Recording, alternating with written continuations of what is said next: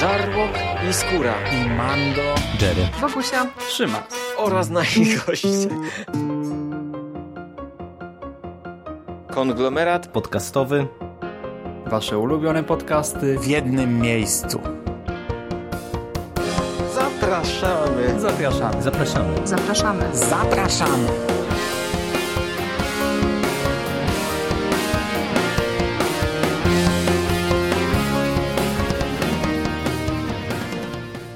Witamy w konglomeracie podcastowym, czyli na platformie, która zbiera wszystkie Wasze ulubione podcasty w jednym miejscu. Ja nazywam się Michał Rakowicz, czyli Jerry. Jest dzisiaj ze mną Hubert Spandowski, Mando. Witam Cię, Mando. Witam. I powracamy w takim składzie do omówienia serii Punisher Max. W dosyć krótkim czasie e, opowiedzieliśmy Wam o dwóch pierwszych e, wydaniach zbiorczych e, w ramach tej serii i dziś chcemy podyskutować na temat tomu trzeciego, świeżynki już dla odmiany, bo ten tom trzeci ukazał się u nas za sprawą wydawnictwa Egmont w grudniu. Wydawnictwo Egmont udostępniło nam ten trzeci tom do recenzji, dziękujemy bardzo, tym bardziej, że zmobilizowało nas to, żeby w ogóle po tę serię sięgnąć. Tobie udostępniło, ja se kupiłem.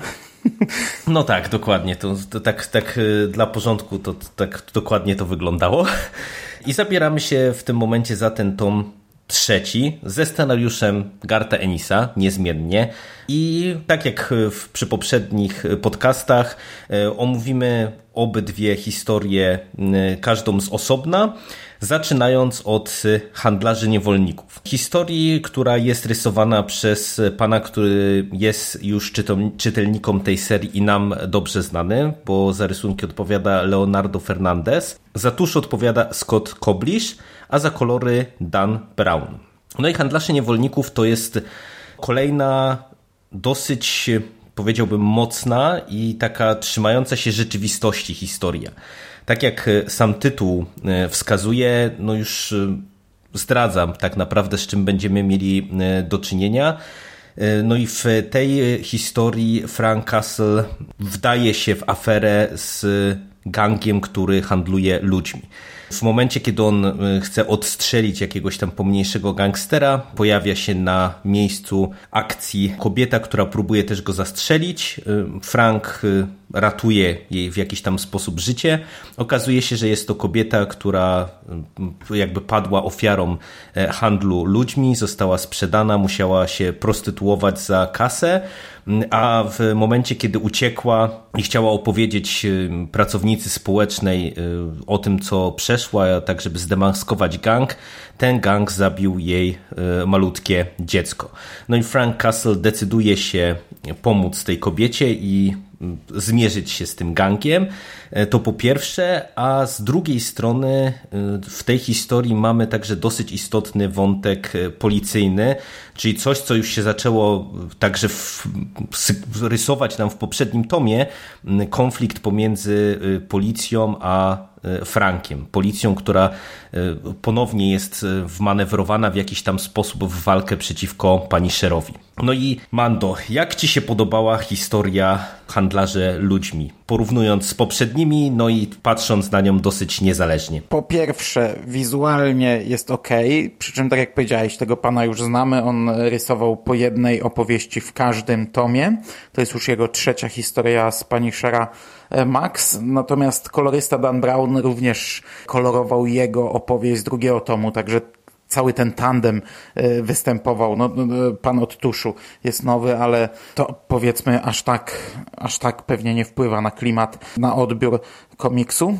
Także wizualnie to jest bardzo podobne do komiksu z poprzedniego numeru i tam wtedy pamiętam podkreślałeś, że Punisher jest rysowany jak śmierć, to tutaj on e, to jest dokładnie jak, jak taka kostucha, jak taka skorupa pusta momentami wygląda jego twarz mhm. jest przerażająca na niektórych zdjęciach, na niektórych kadrach. Ten cały szkielet taki, że Punisher coś robi i wpada w, gdzieś tam robi skok w bok tak naprawdę od tej swojej krucjaty zabijania handlarzy narkotyków, to w ogóle dotyczy całego tego tomu, bo oba komiksy zaczynają się według tego schematu i, i oba właśnie pokazują nam jakiś tam konflikt Punishera jednorazowy tak naprawdę z, z kimś innym, z, jakimś, z jakimś inną grupą e, przestępczą. I to jest mocne w tym pierwszym tomie. Okej, okay, no ja się zgadzam. To jest, to znów porusza bardzo mocną tematykę. Znów mamy przeciwników, tak naprawdę takie skrajne potwory, bo e, ci ludzie odpowiedzialni za ten handel ludźmi, a tutaj mówimy konkretnie o prostytucji, o, o handlu kobietami, kobietami i to tak zdobywanymi w sposób bardzo brutalny, wykorzystujący e, konflikt zbrojny w tym celu i, no i, i, i tak jak to wygląda, czyli e, kobiety poddawane narkotykom, licznym gwałtom, e, to, to jest bardzo mocne. Do tego jeszcze ten wątek z, z niemowlakiem. Ale ja przyznam, że ten komiks aż tak mnie nie przytyrał. On był, on miał gorzką puentę, on, on poruszał ciężką tematykę, on był narysowany tak samo ciężko jak, jak poprzednie, ale ja przez niego przepłynąłem jakoś tak bezboleśnie. Nastawiałem się na coś takiego, że to będzie naprawdę mocna rzecz, ale tak jak na przykład w drugim tomie mówiłem o tym, podkreślałem, że, że, że kurczę, aż, aż nieprzyjemnie mi się czytało e, tamtą historię, to tutaj tego nie odczułem. Przy czym to, to, to nie jest minus. E, to po prostu moje, mo, mój odbiór, nie? To, to osobiste moje jakoś, jakoś nie trafiło aż tak, ale doceniam ten komiks za to, że wiesz, aż tak nie powiela schematów, chociaż mimo wszystko jest e, jakoś tam wpisujący się w ten, w ten schemat Punisher Max. Drugi komiks będzie dużo bardziej poza, poza tym schematem. Za to doceniam, bo, bo jednak sięgając po ten trzeci tom, e, mimo wszystko dostałem coś świeżego, coś innego. No mi ta historia się podobała przede wszystkim dlatego, że ona y, jest z jednej strony tak y, bardzo trzymająca się realiów, bo jednak y, w tym drugim tomie no, mieliśmy takie komiksy, obydwa czy obydwie te opowieści dosyć mocno przygięte. Rozmawialiśmy o tym właśnie, że one były bardzo nieprzyjemne w odbiorze, takie ciężkie, szczególnie ta druga z nich. No i ja trochę nie wiedziałem, w jakim kierunku to dalej y, może pójść, i jak już zobaczyłem tytuł, to się obawiałem, że wiesz, znowu Ennis pójdzie w jakieś ekstremum, takie bardzo mocne ekstremum, jak y, w tym drugim tomie mu się zdarzyło, ale z jednej strony ta historia jest znowu brutalna, ale bardzo mi się podobało to, że tutaj on ponownie y, jakby nie wyciąga tej brutalności tak aż bardzo, bardzo na pierwszy plan, tylko można powiedzieć, że jeżeli coś tutaj y, jest takiego na maksa szokującego, to raczej właśnie to, jak on e, tak realistycznie podszedł do opisania całego problemu. I to tak wielowątkowo, wiesz, że mamy pokaza pokazaną całą tą grupę przestępczą, e, jak to funkcjonuje i to w podziale tak naprawdę na niejako różne frakcje czy różne osoby w e, całej tej siatce, pokazane role, jakie oni pełnią, jak funkcjonuje cały ten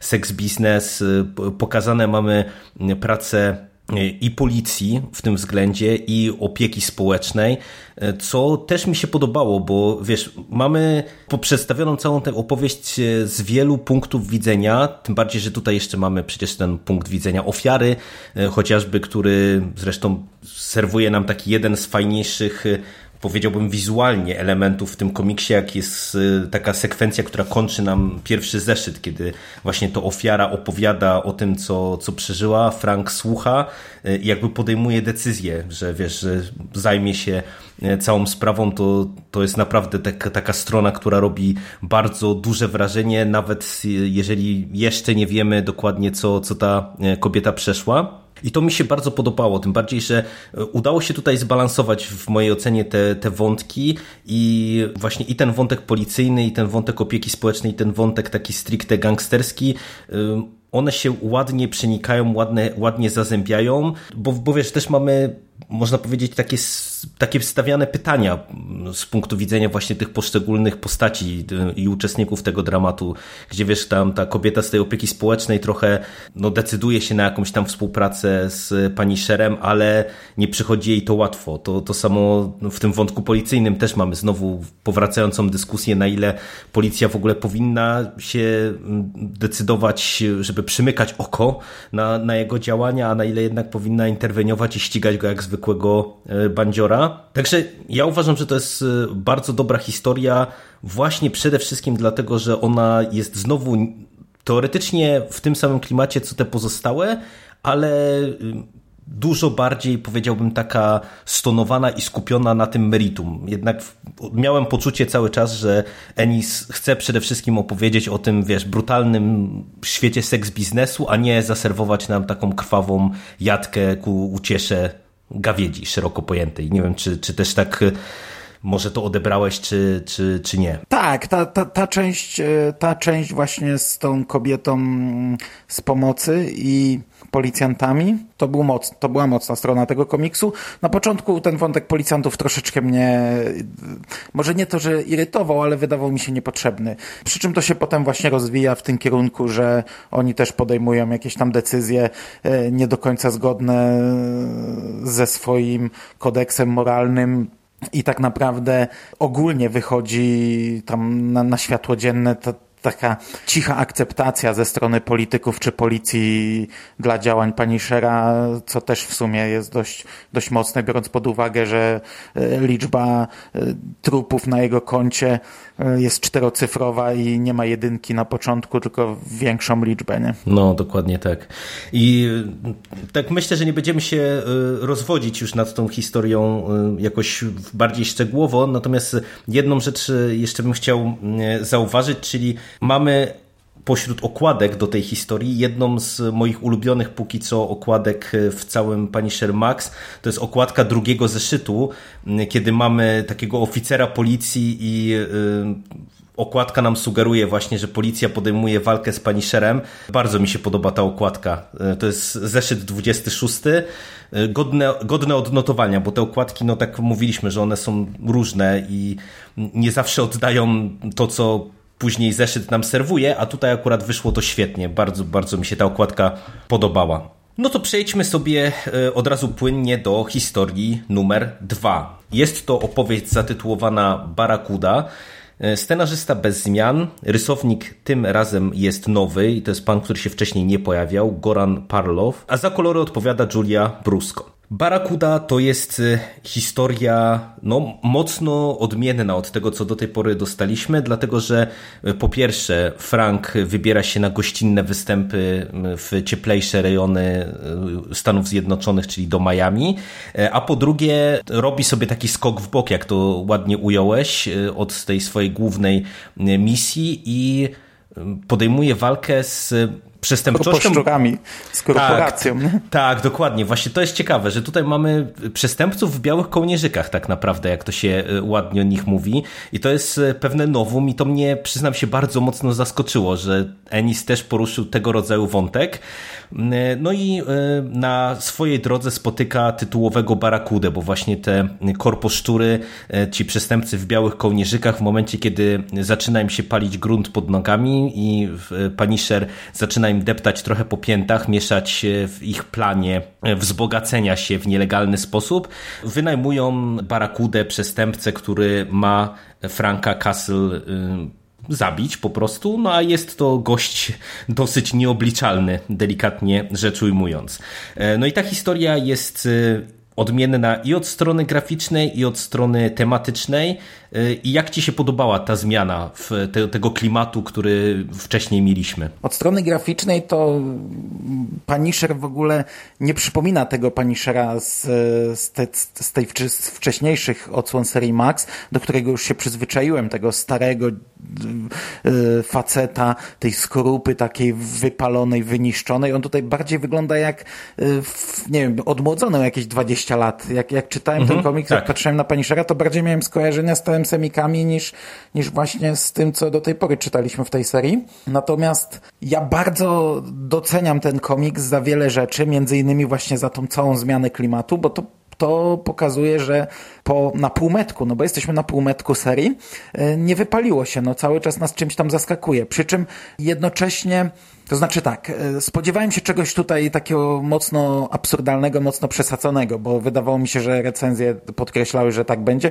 Bardzo się cieszę, że tak nie było. Tutaj nie ma jakiegoś absurdalnego humoru. Przy czym cały klimat jest zupełnie inny i pomimo, że tutaj wiele, wiele plusów tego komiksu znajdę, to ja na przykład w tym komiksie w ogóle nie czułem brutalności. W ogóle. E, nie przypominam sobie żadnej sceny, podczas której, tak wiesz... Wykręcałoby cię po prostu, tak? No, wykręcało albo w ogóle, gdzie tak, no odczułbym e, tę brutalność płynącą z komiksu, bo tak naprawdę chyba najbrutalniejsza scena to jest pierwsza potyczka Franka i Brakudy, ale ona jest e, o tyle dziwna, bo, bo sam Brakuda na samym początku jest, e, jawi nam się jako taki jakiś brutal. On w tych pierwszych scenach, pomimo tego, że tam rzuca do, do prostytutki, żyjesz czy nie, nie, a to, to jakieś takie teksty, a jak prostytutka umiera, to ją wrzuca gdzieś tam do wody, to na samym początku jest taki, to, to jest taki zabijaka, jak tam się rozprawia z tym gangiem, który wisi mu kasę, a od momentu, gdy jest potyczka z Frankiem, to on e, zaczyna tak trochę głupkować, taki, taki robi się e, śmieszek, wesołek trochę i, i ta ich pierwsza potyczka, nawet jeśli jest brutalna, bo tam są brutalne sceny, to patrząc na tego Barakudę, nie czuje się tej brutalności aż tak. Pomimo, że on tam połowę zębów traci, e, palce od ręki traci, a od tego momentu to już w ogóle Barakuda robi się taki, taką pocieszną postacią, taki jest tam sobie w tle tych wydarzeń, wychodzi wychodzi gdzieś tam na pierwszy plan, ale nie przejmuje inicjatywy. On cały czas jakby sobie stał, obserwował i, i gdzieś tam czasami e, no, czekał na przykład na propozycję z tej lub z tamtej strony. Nie ingeruje aż tak w wydarzenia, a, a siedzi sobie z tym swoim takim uroczym uśmiechem i, i po prostu rozbraja od pewnego momentu. W ogóle ta, ta postać na, na przestrzeni tego komiksu mam wrażenie bardzo mocno się zmienia od, od pierwszych stron do, do tych ostatnich, gdy go poznajemy i gdy z nim kończymy. Zaczynając od tego wątku ostatniego, to on mi w tej dalszej części komiksu trochę przypominał Draxa, czyli wiesz, takiego wielkiego, mm -hmm. złego gościa, który tak naprawdę w sumie w duchu jest dosyć prostolinijny, prostolinijnym znaczy, to znaczy, kolesiem. Czujesz i wiesz, że on jak, jak przegniesz, że on jest niebezpieczny, nie? Czujesz to cały czas, wiesz, że jak tam coś przegniesz, albo on się wkurzy, albo, albo co, to on tam pewnie będzie potrafił zrobić niezłą czystkę, ale ostatecznie to nie Barakuda tu jest tym najgorszym i tym najbardziej brutalnym i tym, i tym czarnym charakterem. On w końcówce to w zasadzie mu już nawet zaczynamy kibicować w tych ostatnich scenach. To, tak, to kroposzczury tak. są tu złe, nie? Tak, to prawda. Natomiast tak nawiązując do tego, co ty mówisz, że nie, nie czuć tak bardzo brutalności, to e, ja się zgadzam w sumie, bo tutaj e, też jest trochę tak, że ten komiks w ogóle wydaje mi się, że jest relatywnie najmniej brutalny chyba z tych wszystkich opowieści a przynajmniej ja odnoszę takie wrażenie, przez to, że jednak mamy tutaj duże skupienie na tych biznesmenach, no to jednak wiesz, tutaj nie ma aż tak dużej ilości strzelanin, jakichś tam pościgów i tak dalej, i tak dalej. I tak naprawdę właśnie ta wspomniana przez ciebie potyczka Franka z Barakudą to jest w ogóle jedna z niewielu takich bardziej soczystych akcji. Za to, jeżeli chodzi o brutalność, to ja bym chciał podkreślić, jak rewelacyjnie ten komiks się rozpoczyna, bo te pierwsze trzy strony, kiedy widzimy mhm, ten mhm. ocean we krwi, to jest po prostu dla mnie perełka. To, to robi tak duże wrażenie, ten kadr, od razu na otwarcie i tak nas rzuca na głęboką wodę, że to jest e, naprawdę wow. To, to mi się szalenie spodobało. Zaczynamy z wysokiego C i, i cofamy się tak naprawdę e, do początku, do tego, co, co doprowadziło do tego, że właśnie Frank tutaj karmi rekiny e, ludźmi. I zgadzam się, że fajne jest to w tej historii, że ona się właśnie skupia zupełnie na czym innym, bo ja się troch, troszeczkę zacząłem obawiać, nawet po tych handlarzach niewolników, która to historia mi się podobała, że wiesz, że wpadniemy trochę w taką rutynę, nie? że Frank po prostu mm -hmm. na, na jakieś tam, w trakcie jakiegoś zlecenia wpada na jakiś tam gang, okej, okay, to decyduje się na y, rozwalenie kolejnych, kolejnych gangsterów, a tutaj jednak ta tematyka jest y, bardzo inna i co ciekawe, tutaj to też jest ładnie rozgrywane, w tym sensie, że Frank wyjątkowo mocno nie czuje się na swoim terenie, że tutaj cały czas jest to podkreślane, że on y, nie za bardzo rozumie ten świat te, tego, tych przestępców właśnie w białych kołnierzykach, trochę popełnia tutaj błędów różnego rodzaju, trochę ich nie docenia i tak dalej, i tak dalej. I, i to wszystko sprawia, że to się czyta z zainteresowaniem i pomimo, że wiemy do czego to zmierza i jak to wszystko się skończy, no to ten komiks jest w sumie dosyć mocno odświeżający w stosunku do tych wcześniejszych opowieści, które z Frankiem widzieliśmy. No i ja się też zgadzam, że Barakuda jako postać, ta, ta tytułowa, ona też jest y, interesująca i dodaje smaku całej tej historii, no bo on faktycznie tutaj przechodzi przemianę w trakcie tych całych sześciu zeszytów i, i to też wypada całkiem interesująco, także dla mnie komiks y, na plus i od tej strony graficznej, bo mimo, że tutaj faktycznie y, Frank wygląda zupełnie inaczej, to jakoś mi to wiesz, to pasowało do tego klimatu takiego letniego mhm, Miami. Ja tego też nie krytykuję. Ja mhm. tego też nie krytykuję. Te postacie są ok, komiks wygląda ok, do, do, te, te, te wątki y, związane z korporacją i z tym, jak, jak to tam, no w ogóle jak to wygląda, ja nigdy nie miałem do czynienia z y, tego typu miejscem zatrudnienia to, to mnie przeraża w, w, każdej postaci, ale też ogólnie, wiesz, e, żona szefa, e, romanse. Jest to jakoś tam nieprzyjemne na innym poziomie, można powiedzieć, nie? Trochę no, jak, się, jak, no. się, jak się patrzy na to, co ten wielki pieniądz i wielki biznes i jakiś taki wielki świat potrafi z tymi ludźmi zrobić i jak potrafi ich zdemoralizować, mimo że oni teoretycznie nie pociągają za spust, mimo że teoretycznie, nie wiem, nie doprowadzają ludzi do śmierci, załamania i tak dalej, i tak dalej, no to przecież w sumie ten ich plan y, no jest, jest mocny. Robi to też wrażenie. Troszkę jestem rozczarowany Y, że w zasadzie ten komiks zamyka całą historię Barakudy. Takie mam wrażenie. No, nie wiem, czy on się pojawi jeszcze, czy nie, bo tak naprawdę finał widzimy trochę poza kadrem i to bez problemu da się później odkręcić, pokazać, e, że tam było co innego tak naprawdę, ale ja już miałem wcześniej, narobili mi smaka, że Barakuda to będzie coś fajnego, że to będzie fajna postać i no i zgadzam się, to jest fajna postać i to by było fajnie, gdyby on tam co jakiś czas jednak powracał, e, a nie wiem, wydaje mi się, że ten komiks zamyka już tę historię. No ja raczej to odbieram dosyć jednoznacznie, że mamy tutaj domknięcie tego wątku, no ale, ale faktycznie, no zobaczymy, czy, czy to się jeszcze da jakoś tam odkręcić. Pewnie, jeżeli scenarzysta będzie chciał, to coś z tym na pewno można zrobić. Dobra, to powiedz mi, Mando, jak całościowo oceniasz y, ten tom y, na tle dwóch wcześniejszych? Jak, jak ci się całościowo tom trzeci pani Shera Max podobał? No właśnie, ja, ja miałem trochę problem z tym komiksem, bo wszędzie się nasłuchałem, że to jest najlepszy tom na razie, że mamy wzrost jakości z tomu na tom i tak jak te dwa pierwsze tomy były niezłe i się rozkręcały, także trzeci tom to po prostu rozkłada na łopatki i pada się na kolana. I pod tym kątem on mnie troszeczkę rozczarował. To był bardzo dobry komiks, to się czytało świetnie, ale ja nie uważam, żeby on, on, on nie zrobił na mnie większego wrażenia niż na przykład tom pierwszy czy tom drugi. Tak naprawdę, gdybym miał porównać do tych e, wcześniejszych tomów, to powiedziałbym, że jest to komiks najsłabszy. Nie słaby, ale najsłabszy, nie? że mniej mi się tak, podobał tak, tak. niż te dwa, mhm.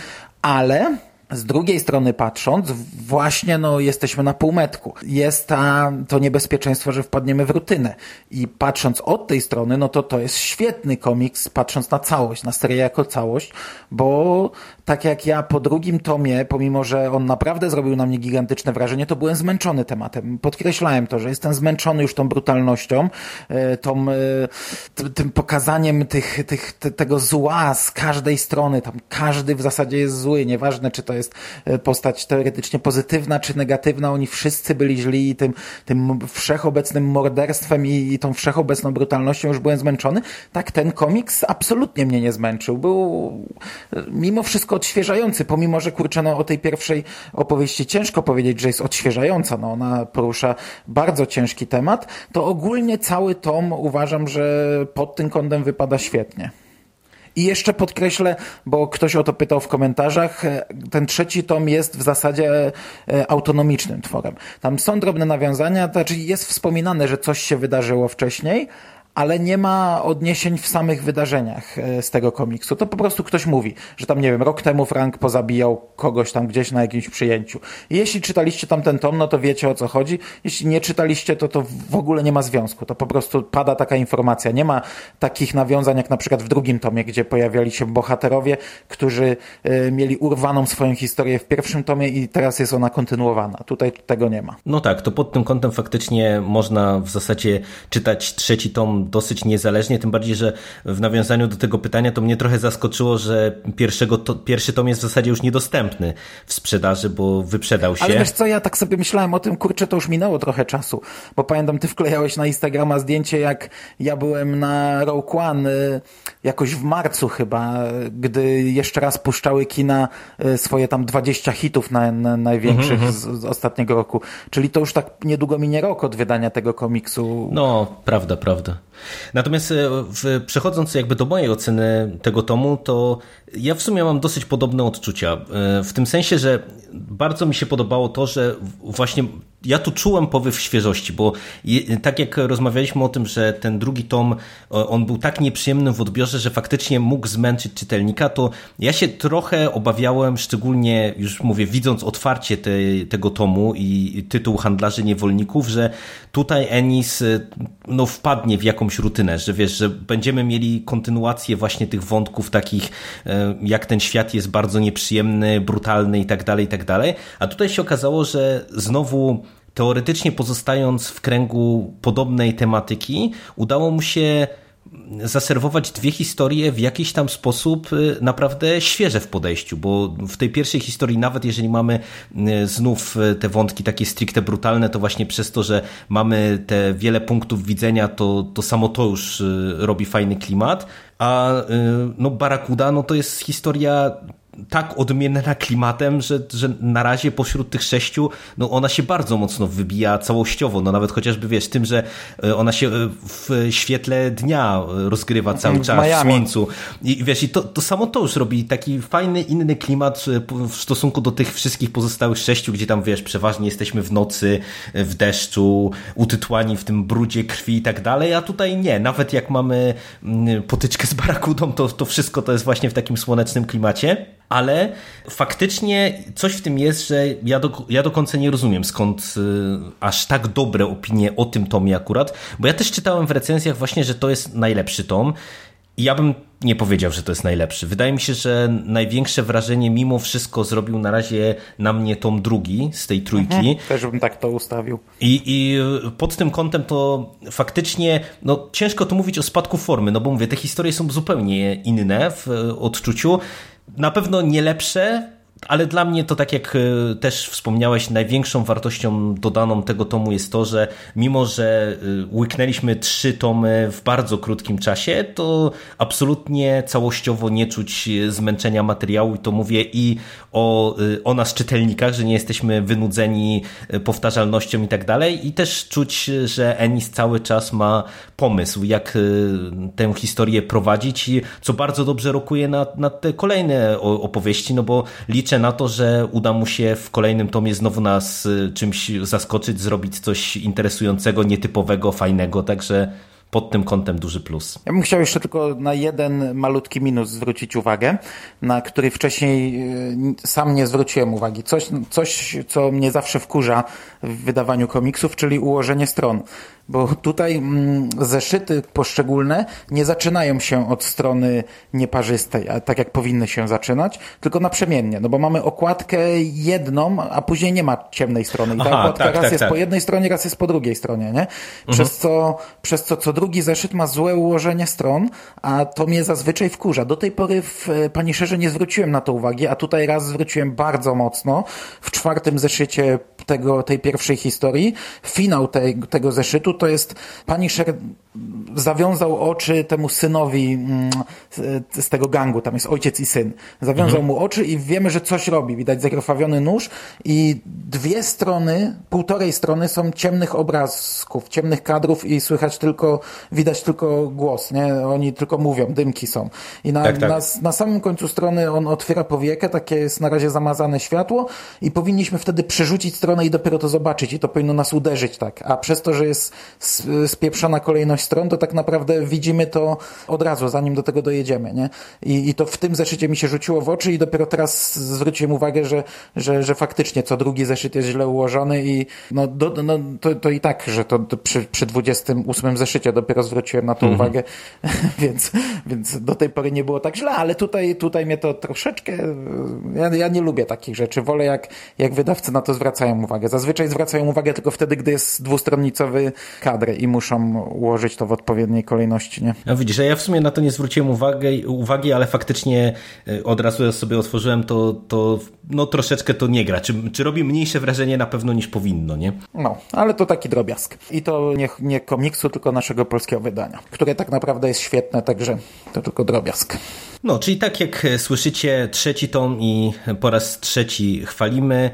Teraz na pewno będzie przerwa od pani Shera, bo jeżeli ja dobrze pamiętam, w zapowiedziach kolejny tom jest na marzec planowany, także troszeczkę sobie poczekamy, ale na pewno jak się pojawi ten tom w sklepach, to, tak, to, to po niego sięgniemy i y, będziemy już kontynuować na bieżąco historię Franka Castle. Zobaczymy, co tam Ennis nam zaserwuje. Dzięki Ci, Mando, bardzo za dzisiejszą rozmowę. Ja Ci też dziękuję, a Wam polecam kupić te komiksy, bo tak jak sami słyszycie, bardzo szybko znikają ze sklepów. Pierwszy tom podobno ma mieć dodruk. Czy będzie, no to zobaczymy, ale warto naprawdę je nabyć, bo to jest bardzo dużo, bardzo dobrego komiksu w jednym tomie. Także dzięki jeszcze raz. Do usłyszenia w przyszłości. Cześć. Cześć.